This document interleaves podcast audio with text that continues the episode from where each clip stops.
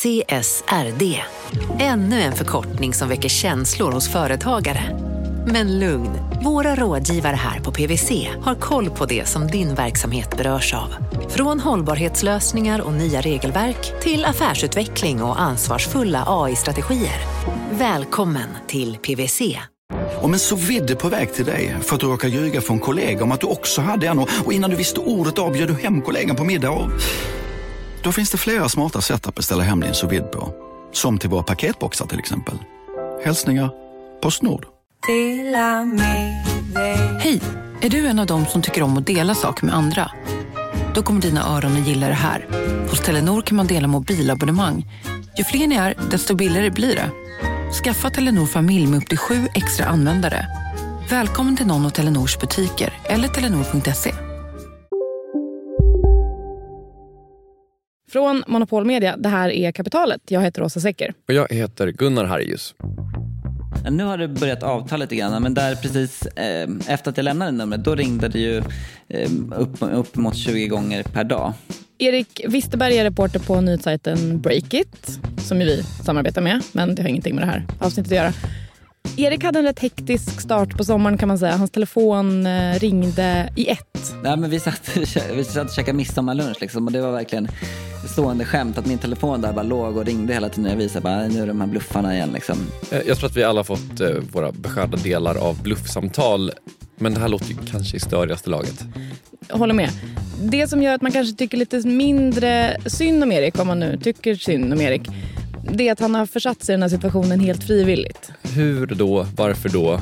Många frågor. Så många frågor. Han klickade på en sån här annons på Facebook eh, som gör reklam för något så nytt smart sätt som gör att man ska bli jätterik jättesnabbt. Då kom han vidare till något som såg ut som Aftonbladet. Eh, där klickade han igen och kom till en sajt som heter The Bitcoin Code kan kika på den också. Hi, you made it. Welcome aboard. I'm thrilled to see you here.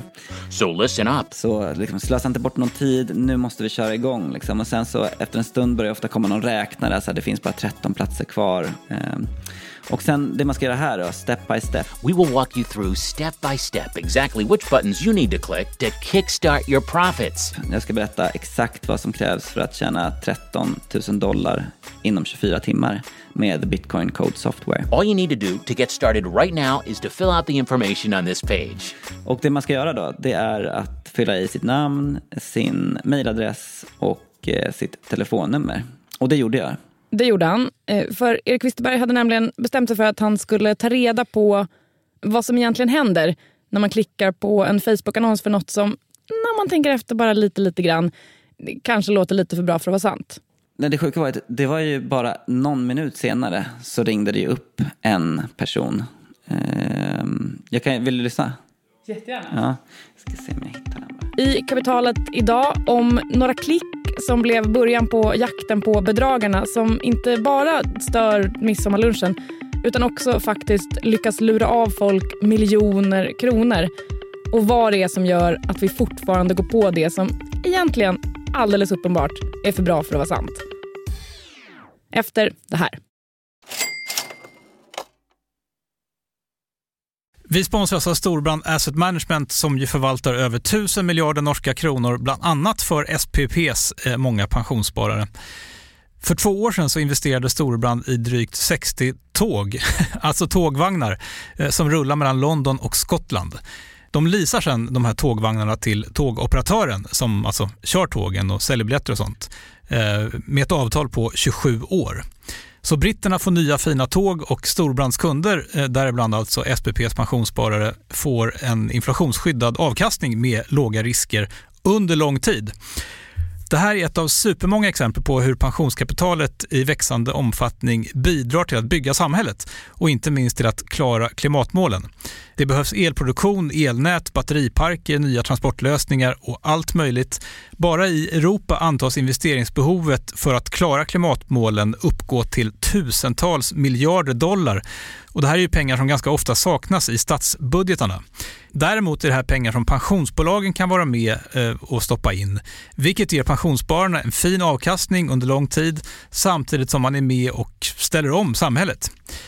Vi har gjort ett helt avsnitt om det här eh, som man kan lyssna på. Det publiceras här i Kapitalet i mitten av maj. Ratta gärna in det om ni vill lära er mer om hur det här funkar. Men tack säger vi till Storbrand Asset Management som ju investerar i alla tänkbara tillgångslag, bland annat för pensionsbolaget SPP.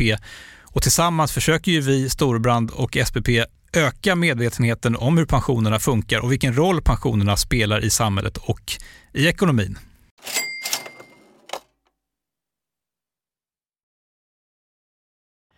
Jag vet inte om du eh, tänkte på det i våras Gunnar, men jag tyckte att det kändes som att eh, Filip Hammar typ hade kapat Ja. mitt Facebookflöde. Han var överallt. Ja, ja, absolut. Eh, jag tror att kanske 50% av mitt Facebookflöde var en bild på Filip Hammar i någon talkshow eller någonting. Exakt, talkshowen med stort T, Skavlan Ja. såklart. Erik Wisterberg som alltså är reporter på nyhetssajten Breakit, eh, han eh, såg ju såklart också de här annonserna. Mm. Okej, bara så att alla hänger med. Eh, Det han såg var så olika så här, bluffannonser som använde bilder på olika kändisar. Nästan alltid Filip Hammar, men det kan också vara andra. Och det är alltid utan de här kändisarnas eh, tillåtelse. Och tanken är då att man ska lura folk att investera pengar i Alltså de säger att man ska investera i bitcoin. Vad man faktiskt gör sen, ja, det kommer väl till hoppas jag. Det är liksom så här olika tradingplattformar, de existerar inte. Och så är det typ så här, det smarta knepet som fick tv-profilen att tjäna miljoner på tre minuter. Det är liksom något sånt där typ, eller? Exakt, det är exakt så. Den här typen av annonser har funnits eh, ett tag faktiskt. Men i våras så la de liksom i en ny växel kan man säga. Och då hade bedragarna hittat ett nytt affischnamn och det var ju medieprofilen Filip Hammar. Erik Wisterberg har såklart sparat skärmdumpar på de här annonserna på sin dator. Eh, Ja men här är ju en sån typisk, han visste inte att ljudet spelades in och släppte. Eh, Jag tror inte att det är en överdrift att säga att kvaliteten på de här annonserna är varierande. Men innehållet är eh, väldigt ofta, just nu i alla fall, då, en bild på Filip Hammar och det är inte sällan en rubrik som har att göra med att Filip Hammar har varit med i Skavlan, vilket han ju har. Ja, och om man är Erik Wisterberg så trycker man på den då. Jag gjorde inte det. Vart hamnar man? Så här såg den ut då. Då stod det Aftonbladet där längst upp och sen står det som har vis, visats på Dagens Nyheter, Expressen, Nyheter 24. Och då är det bilden då på eh, Skavlan och eh, Filip Hammar från, från när han har varit med där helt enkelt. Och det här är en väldigt lång text. Den berättar om den här Filip Hammar. Han har gjort sig känd som en kaxig person som går rakt på sak och som inte har något emot att vara ärlig när det gäller hur han har tjänat sina pengar. Och sen så står fortsätter texten då med att han fortsatte, eller syntes så Skavlan och berättade ett, om ett nytt förmögenhets, förmögenhetskryphål som kan göra vem som helst till miljonär inom tre till fyra månader. Och sen kommer en massa länkar då till det här The Bitcoin Code som den här annonsen handlar om. Och eh, när man har eh, klickat sig vidare dit då, då startar en, eh, en film på den där sidan. Ehm, Now it's your turn to turn back the clock and become a millionaire investor in Bitcoin. Och The Bitcoin Code är alltså namnet på den här fake trading-sajten som för övrigt ser ganska verklig ut, särskilt om man är ovan vid att handskas med trading-sajter. Budskapet i filmen och på sajten det är typ skynda dig och registrera dig innan det är för sent. Okej, så Erik skyndar sig. Han registrerar sig innan det är för sent. Vad händer? Ja, men då börjar hans telefon ringa, typ på en gång. Nej, det sjuka var att det var ju bara någon minut senare så ringde det ju upp en person. Ehm, jag kan, vill du lyssna? Jättegärna. Ja, ska se om jag hittar den bara. Very good. Eric, congratulations, my friend. You just opened an account with the Bitcoin Millions. How are you? Jag trodde ju att jag kanske skulle få ett mail eller du vet ett sms eller någonting. Eh, det känns ju ofta som att sånt här är ganska automatgenererat. Eh, att man skickar ut liksom tusentals e-postmeddelanden och så får man se om det är någon, någon mindre nogräknad person som nappar. Men i det här fallet så var det en riktig människa som liksom ringde på en gång. Eh, så jag blev jätteförvånad, absolut. Jag hade också blivit väldigt förvånad att de var så snabba. Att de verkligen så här, det var en minut efter typ. Det låter ändå som att det är en ganska ambitiös scamverksamhet. Att de har personer som är liksom på jour typ, och väntar på nästa registrering för att ringa direkt. För att det är verkligen man ska skynda sig. Eh, Okej, så de ringer honom. Vad är det de vill att han ska göra? Han vill hjälpa mig komma igång eh, med deras tradingplattform och han berättar ju hur det här ska funka också då. Så att han säger att de har en, en slags robot-trader som ska köpa och sälja kryptovalutor, nästan som daytrading. Alltså köpa och sälja snabbt så att de hämtar hem vinst åt mig. En robot hämtar hem vinsten hela tiden i stort sett. Lite mer konkret då så vill han att eh, Erik ska släppa in honom i sin dator typ. Och eh, ganska snart så frågar han också om eh, jag kan installera ett program på min dator, en sån här remote control programvara som jag, jag tolkar som skulle göra att han kan liksom gå in och r- ta min muspekare och göra saker i min dator. Och det de vill att Erik ska göra sen är att investera minst 250 dollar som man då påstår sen ska växa snabbt som tusan med den här bitcoin trading-robotens hjälp. Wow. Då, då kände jag att jag var så oförberedd när han ringde så då var jag tvungen att liksom backa och säga att jag, var, jag är ute, ute på stan nu så att ni får ringa senare. Um, och sen började ju den här liksom räckan av tiotals samtal per dag under en ganska lång tid. Okej, så han har liksom själv tagit hissen till helvetets sjunde krets eller någonting. Det ringer hela tiden. Är det samma person som bara ringer om och om och om, om igen eller är det, har de liksom ett stall med personer som bara ringer? Det är lite olika personer i alla fall. Han börjar känna igen vissa, vissa röster. De refererar dock hela tiden till varandra. Så att det är liksom inte flera parallella scams som pågår utan de vill ändå ge bilden av att så här, oh, but uh, Larry told me to call you Eric. Typ. Jaha, okej så det är som, som så här, vi har ju ett tajt kontor här där vi pratar med varandra. Så liksom, Exakt, Ah, och ja. jag är lite så här senior accountant så jag blir eh, ombedd att eh, ta över det här fallet nu. Typ. Alltså lite så. Eh, och så har de lite olika strategier för att försöka övertala Erik då att eh, låta dem hjälpa honom att komma igång med den här bitcoin-handeln. Vissa var väldigt pushiga och liksom tryckte på att vi måste köra det här. Liksom. Och eh, vill du inte göra det, slösa inte bort min tid, slösa inte bort din egen tid, nu kör vi. Liksom. Eller så, så går den här chansen till någon annan. Och andra var väldigt liksom, mer så här inkännande. Och, Du ska inte göra någonting innan du vet exakt hur det här fungerar. Och jag kan ringa senare och sådär. Så att, eh, väldigt olika strategi. okej, så deras mål är att övertyga Erik om att investera minst 250 dollar och sen okända summor efter det. Eriks mål här någonstans är väl att typ, ta reda på vilka de här personerna är och vad de har going. Hur gör Erik det? Eh, jag testade lite olika saker, för de, de, började, de ringde ju, alltså de ringer ju bara på och det är olika personer hela tiden. Så att ibland så sa jag ju det liksom att, eh, nej men vad kul att du ringer, jag är journalist och jag undersöker de här bitcoinbedrägerierna. Eh, så, ja, vem är du liksom? Och då la de ju oftast på. Eh, och i andra fall så, så liksom försökte jag kolla om det var en person som till exempel sa att ja, men jag sitter i London och jobbar med det här. Eh, och då försökte jag liksom kolla det. Så här, Jaha, men vad då i London? Så här, vad är det för väder? Okej, men var, var käkar du lunch någonstans? Och liksom, jaha, vad, vad heter den restaurangen? Och så. Och då, då börjar de ofta till slut tröttna och bli lite mer aggressiva. En, en eh, person som jag ifrågasatte varför jag skulle göra alla de här stegen eh, gick ju till attack verkligen och sa liksom att du beter dig som ett barn och liksom, du kommer aldrig gå bra för dig i livet. Och, All right, men får han någonsin reda på vilka det är som ringer? Eh, det är svårt att säga var de finns någonstans men i vissa samtal hörde man liksom typiska callcenter-ljudet i bakgrunden. Att det sitter massa människor där de är. Eh, och ja, men det slog mig att det, det här är nog inte några grabbar i en källare utan det här är nog snarare en mer systematisk, större operation. Jag har pratat med en person på eh, något som heter Polisens nationella bedrägericentrum. Eh, de bekräftade just det där, att det liksom är en mycket större verksamhet än man tänker sig. Hon kallade det för en industri.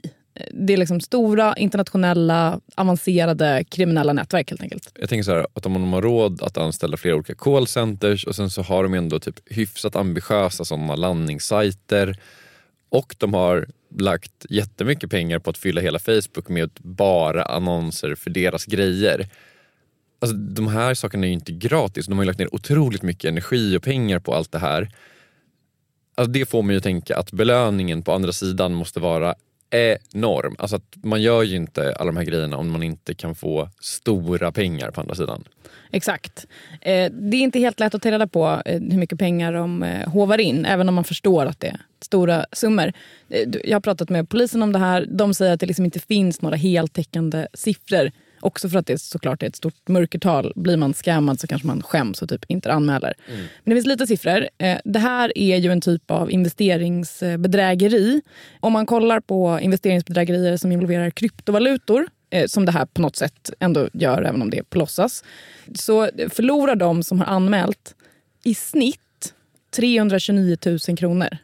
I snitt. Den högsta summan som har anmälts i Sverige under våren i år eh, det var 1,8 miljoner Aj, som alltså aj, en aj, person har aj, blivit av med. aj, aj. Det är ju sjukt mycket pengar. Men okej, men jag tänker så här, att om man har typ 1,8 miljoner att så här, investera på typ något lite så vagt bitcoinigt, är man inte sjukt rik då? Alltså så här, att man kanske har råd att bli av med de pengarna då, eller? Jag tror inte att den personen som blev av med så mycket pengar kände så. Men det ska också sägas att det är inte alls alltid så att man liksom självsvådligt har investerat den här stora summan. Utan man har investerat en mycket mindre summa. Det börjar ofta med 250 dollar. Sen kanske man har investerat lite till. Men sen har man då genom att bekräfta saker till exempel med sitt bank-id med de här olika bedragarna på telefon liksom gett bort sitt bank-id och då har de länsat ens konto. Ah, Så man har gått in med kanske 250 dollar blivit av med 1,8 miljoner. ska vi kalla det här för lex Lämna aldrig ut ditt bank-id till någon person någonsin. Eh, svar ja. Eh, Storbritannien verkar vara lite extra drabbat av det här av någon anledning. Eh, Den brittiska tabloidtidningen The Sun har grävt ganska mycket i det här och de har pratat med en person som säger att han är en visselblåsare. De kallar honom för Steve. Eh, De har gjort en sån klassisk eh, visselblåsarintervju med honom. Du vet, han sitter i så här ett motljus som gör att man bara ser siluetten. De har förvrängt hans röst. Så det är jättesvårt för oss såklart att kolla upp om han är legit. Men han verkar i alla fall veta rätt mycket om hur de här organisationerna är uppbyggda och vad de tjänar. Och det är ju intressant. The fraudsters can earn. Well, it depends what they earn and what level in the pecking order they are. Eh, Det är inte helt eh, lätt att höra precis vad han säger här. Maskad röst, brittisk dialekt och så vidare. Eh, Han pratar alltså om att det liksom finns en hierarki. Så det finns de som tar den första kontakten med den som de ska scamma. Som han som ringde upp Erik och ropade “congratulations”. Exakt. Then that, those names then get passed on to what's called an opener. Sen när han har gjort sitt så lämnar han över till the opener. Eh, som väl ska, jag vet inte, bearbeta offret lite till, få offret att öppna sin plånbok. Sen kommer the loader in som ska få personen att investera ännu mer och så vidare och så vidare. The loaders are very, very skillful people, very, very clever and, and very experienced. They will come in. Now, these guys can earn, I mean, the sky's the limit. They, they can earn 50,000 a month, 100,000 a month. Some of them can earn that in a week. It just depends how good they are. Den här Steve då menar att de som är längst ner i hackordningen de tjänar kanske ett par hundra dollar i veckan. En del pengar, inte jättemycket pengar. Sen blir det mer och mer ju högre upp man kommer. De som är rätt högt upp menar han kan tjäna typ 50 000 dollar i månaden beroende på hur skillade de är. Det är ändå en bra månadslön. Det får vi vara med på. Det känns som att det är provisionsbaserat. Eh, Absolut provisionsbaserat. De har inte fackliga rättigheter. Det vet vi ingenting om, men sannolikt inte. Det här att det är liksom, flera lager av personer, det, det sa polisen i Sverige också att det är. Så det, det stämmer nog. Tillbaka till Erik Wisterberg på Breakit. Då. Eh, för en grej som man ju undrar, förutom att man gärna vill veta vilka de här människorna är och hur mycket pengar de tjänar och så vidare. Det är ju hur de får in de här annonserna på Facebook. För det är ju någonstans där det börjar när de ska lura folk. Och man kan ju ändå så här tänka sig att Facebook inte vill ha en massa fake annonser på sin plattform. Det här känns som en grej som Erik själv har kollat upp. Det har han. Han slängde ut lite olika krokar som man gör när man jobbar med story. Efter ett tag får han kontakt med en kille som heter Jimmy. Han driver en, en slags reklambyrå som heter Engager som liksom köper Facebook-reklam för hundratals miljoner per år åt kunder. Då. Så att om, om du är liksom en e-handlare och vill eh, ha hjälp med Facebook-köp så kan du gå till aktörer som dem. Och det är en ganska stor industri nu.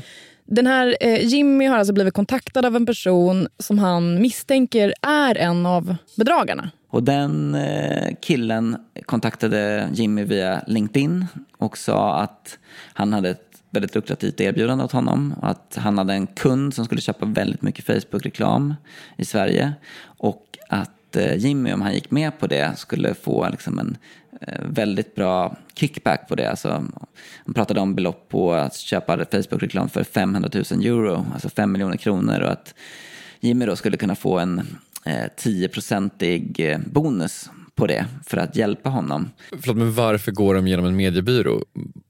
Vi kan ju köpa annonser på Facebook imorgon om vi vill utan att gå genom en mediebyrå.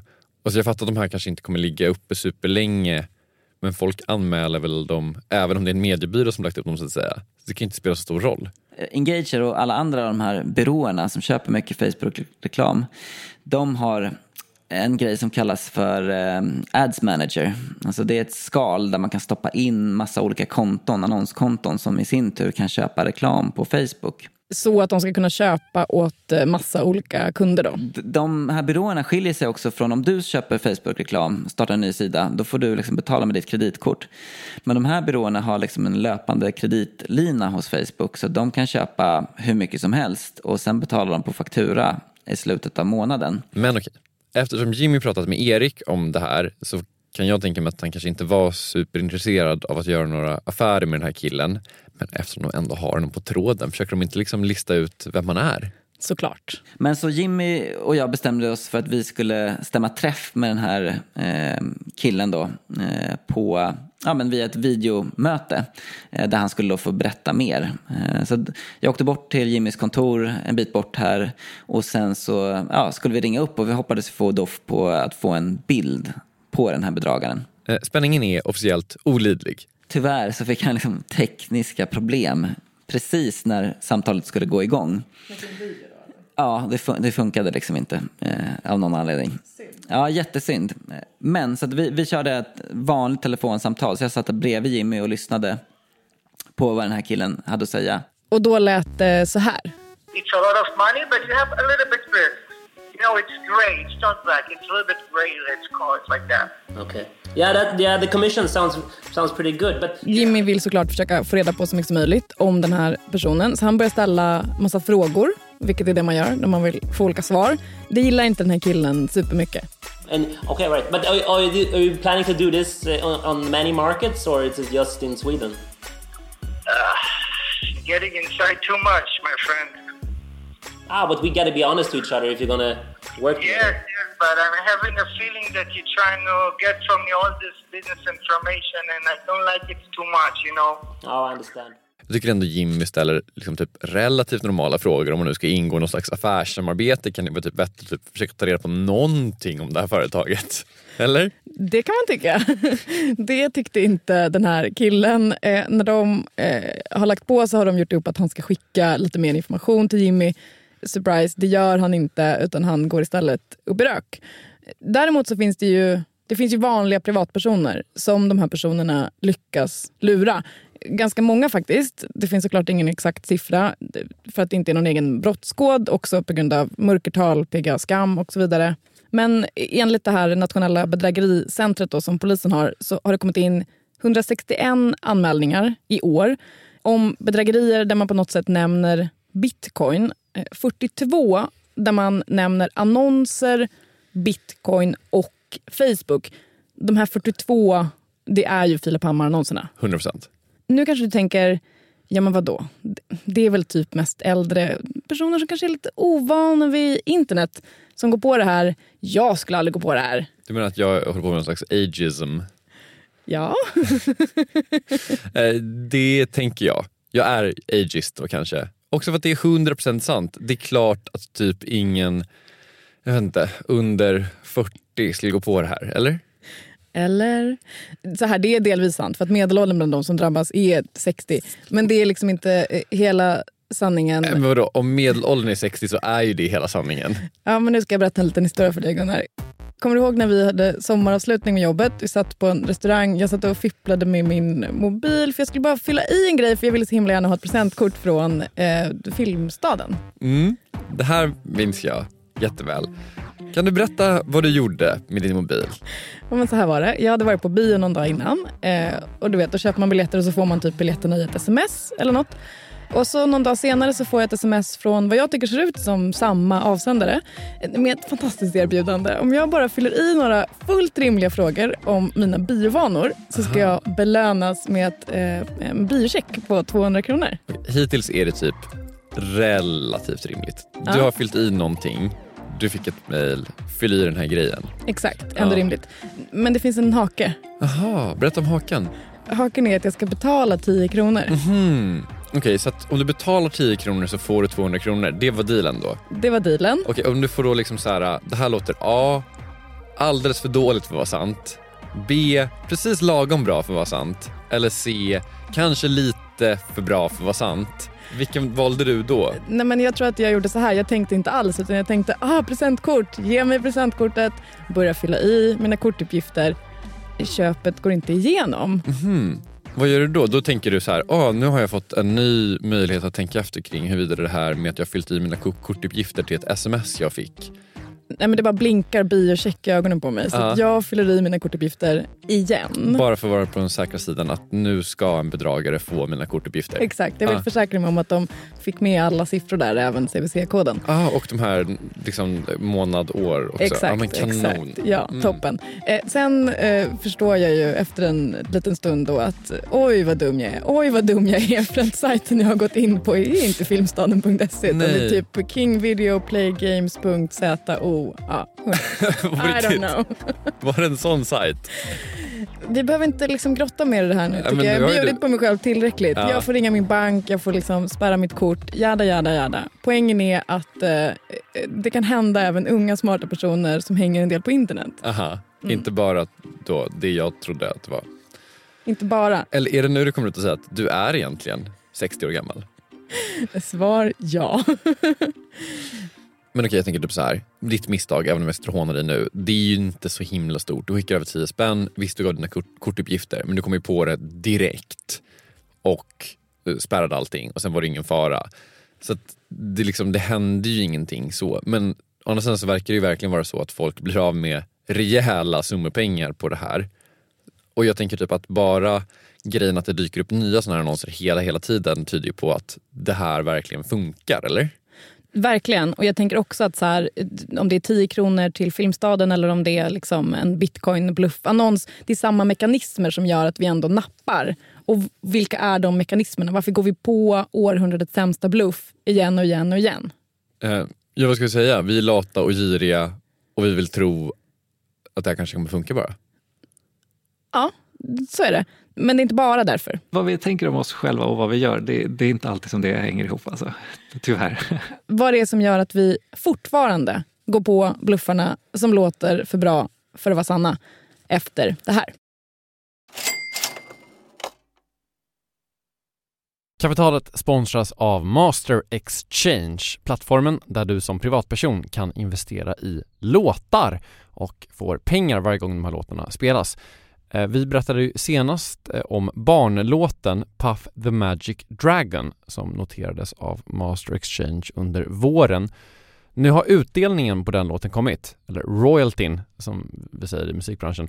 Eh, den ligger på drygt 12% i årstakt och det här är ju en avkastning som är helt okorrelerad till börsen.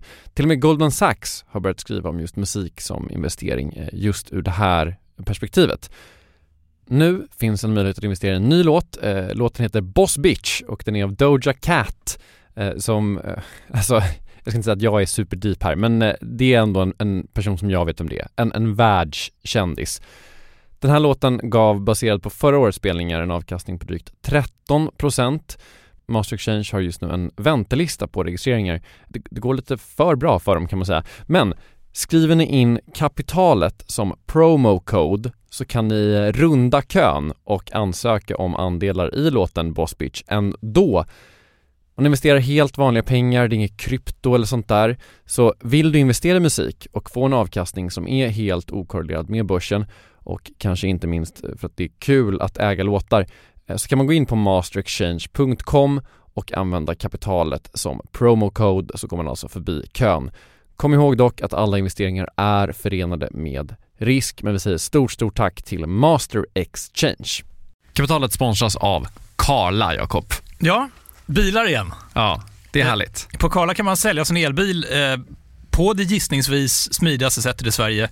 Eh, Karla har ju ett nästan ett komiskt högt användarbetyg på Trustpilot. Mm. 4,8 av 5, vilket jag typ aldrig hört talas om. Nej, det är väldigt, väldigt högt.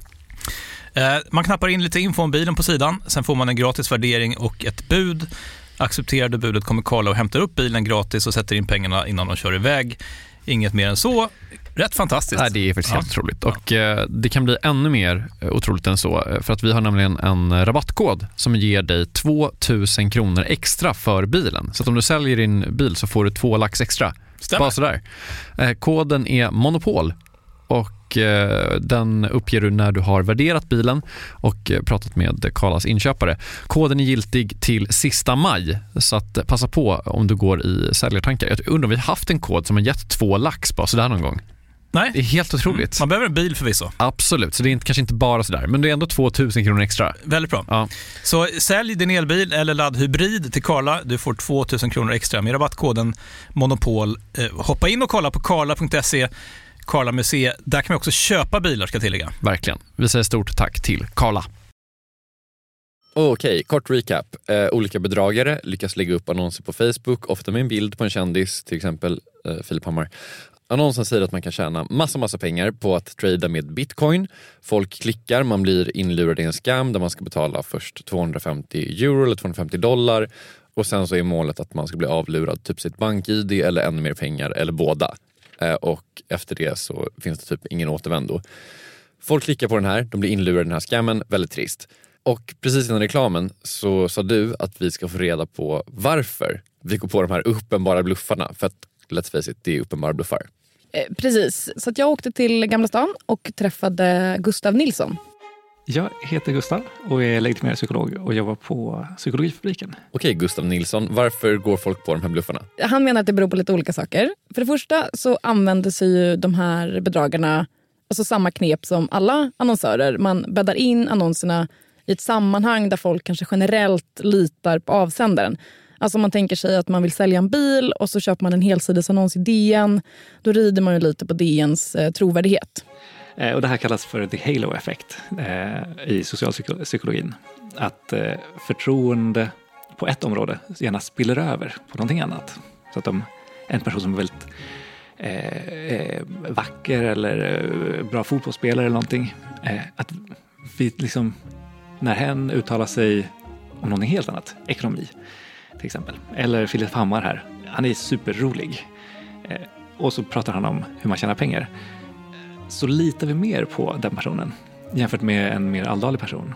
Det, det låter väl ganska rimligt samtidigt som man kanske inte har riktigt lika mycket förtroende för typ hela mitt Facebookflöde som jag har för typ en dagstidning. Plus av Filip och Fredrik så är det ju uppenbart att man skulle ta ekonomisk rådgivning från Fredrik snarare än Filip. Det får stå för dig. Ja, ja, sammanhanget spelar roll. Vidare till nästa teori. Och vi har ju ofta ganska lätt att erkänna att andra inte är så rationella, men, men vi, vi själva, vi, vi tänker ju ändå ordentligt. Eh, och det här är någonting som um, psykologen och ekonomen Daniel Kahneman eh, fick Nobelpris för när han studerade. Eh, han fick Nobelpriset 2002. Och där han har ja, illustrerat väldigt tydligt hur den här bilden av människan som rationell inte stämmer. Och det här var ju hos psykologer var ju det här lite av så här, jaha, va? ja, verkligen öppen dörr. Men eh, bland ekonomer var det här en skräll. Det var ju helt så här, alltså ingen som kunde ana att, att vi inte är totalt rationella. Eh, så här, Daniel Kahneman menar att det finns liksom två system i hjärnan, system 1 och system 2, där då eh, ettan är det mer känslostyrda och system 2 är det mer så kritiska och eh, rationella. Exakt, så är det. Så att vi, vi kan vara så kritiska, och rationella och smarta som vi tänker att vi är. Men... Men, men det är också väldigt, väldigt krävande. Det tar ju jättemycket energi och vi, har, vi kan, inte, kan inte hålla på så hela dagarna. Den absolut största delen av vår tid så är vi ganska känslostyrda, impulsiva, tänk, ja, gör först, tänker kanske efter sen. Alltså att vi klickar först och tänker sen.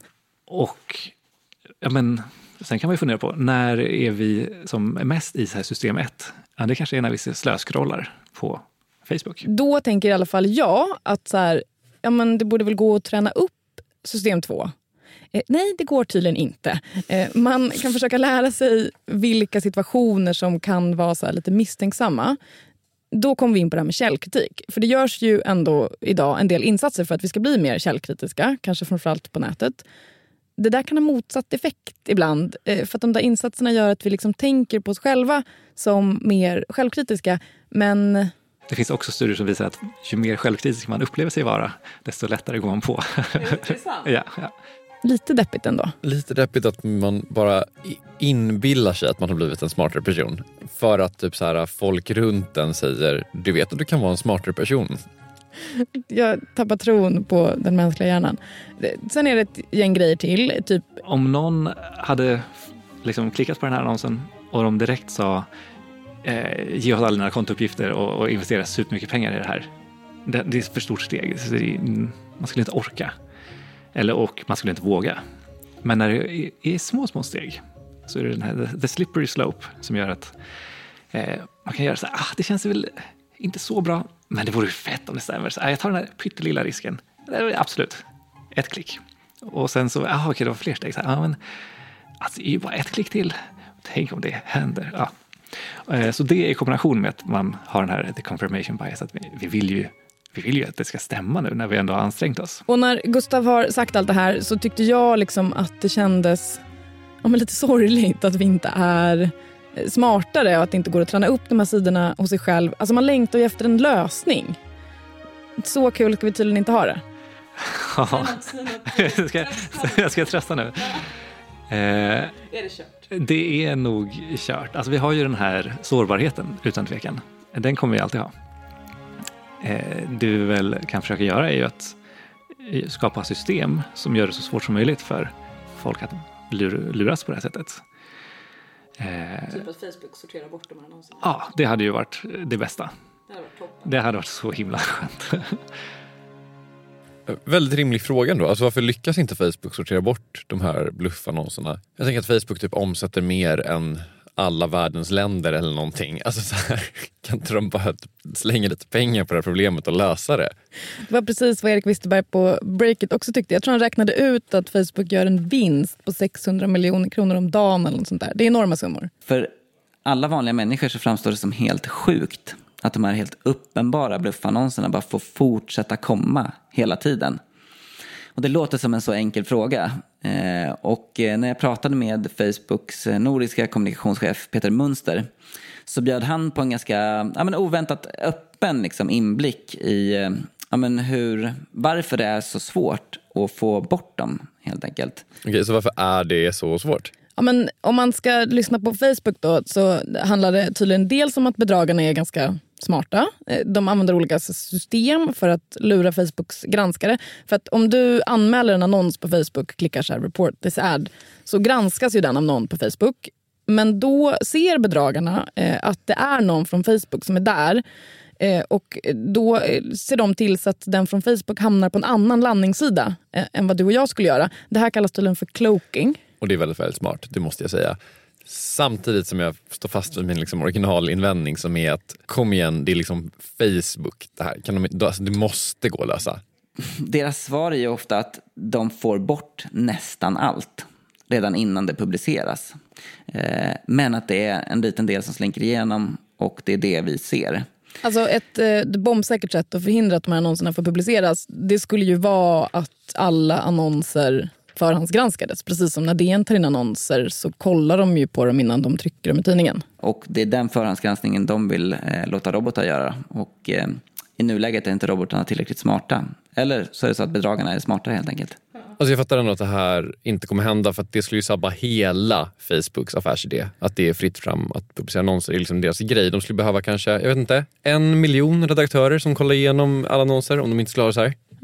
En miljon, två miljoner, who knows hur många. Jag tror inte heller vi ska hoppas jättemycket på Facebook här. Kanske inte.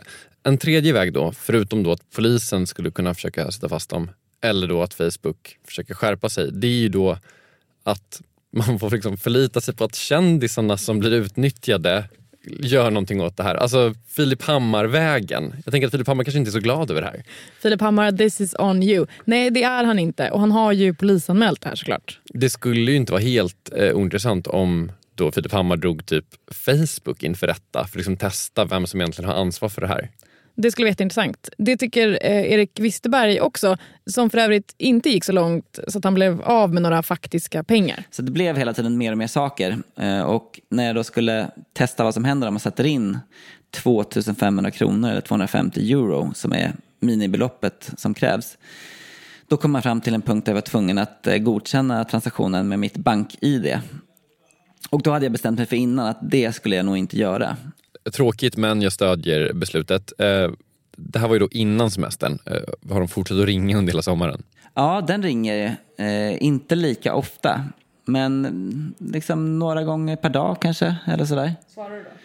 Ja, nej, jag har faktiskt slutat svara. Ibland svarar jag. Jag cyklar alltid till och från jobbet. Då har jag hörlurar i, så då vet jag inte. Då hör jag bara att det ringer, så då brukar jag ju svara.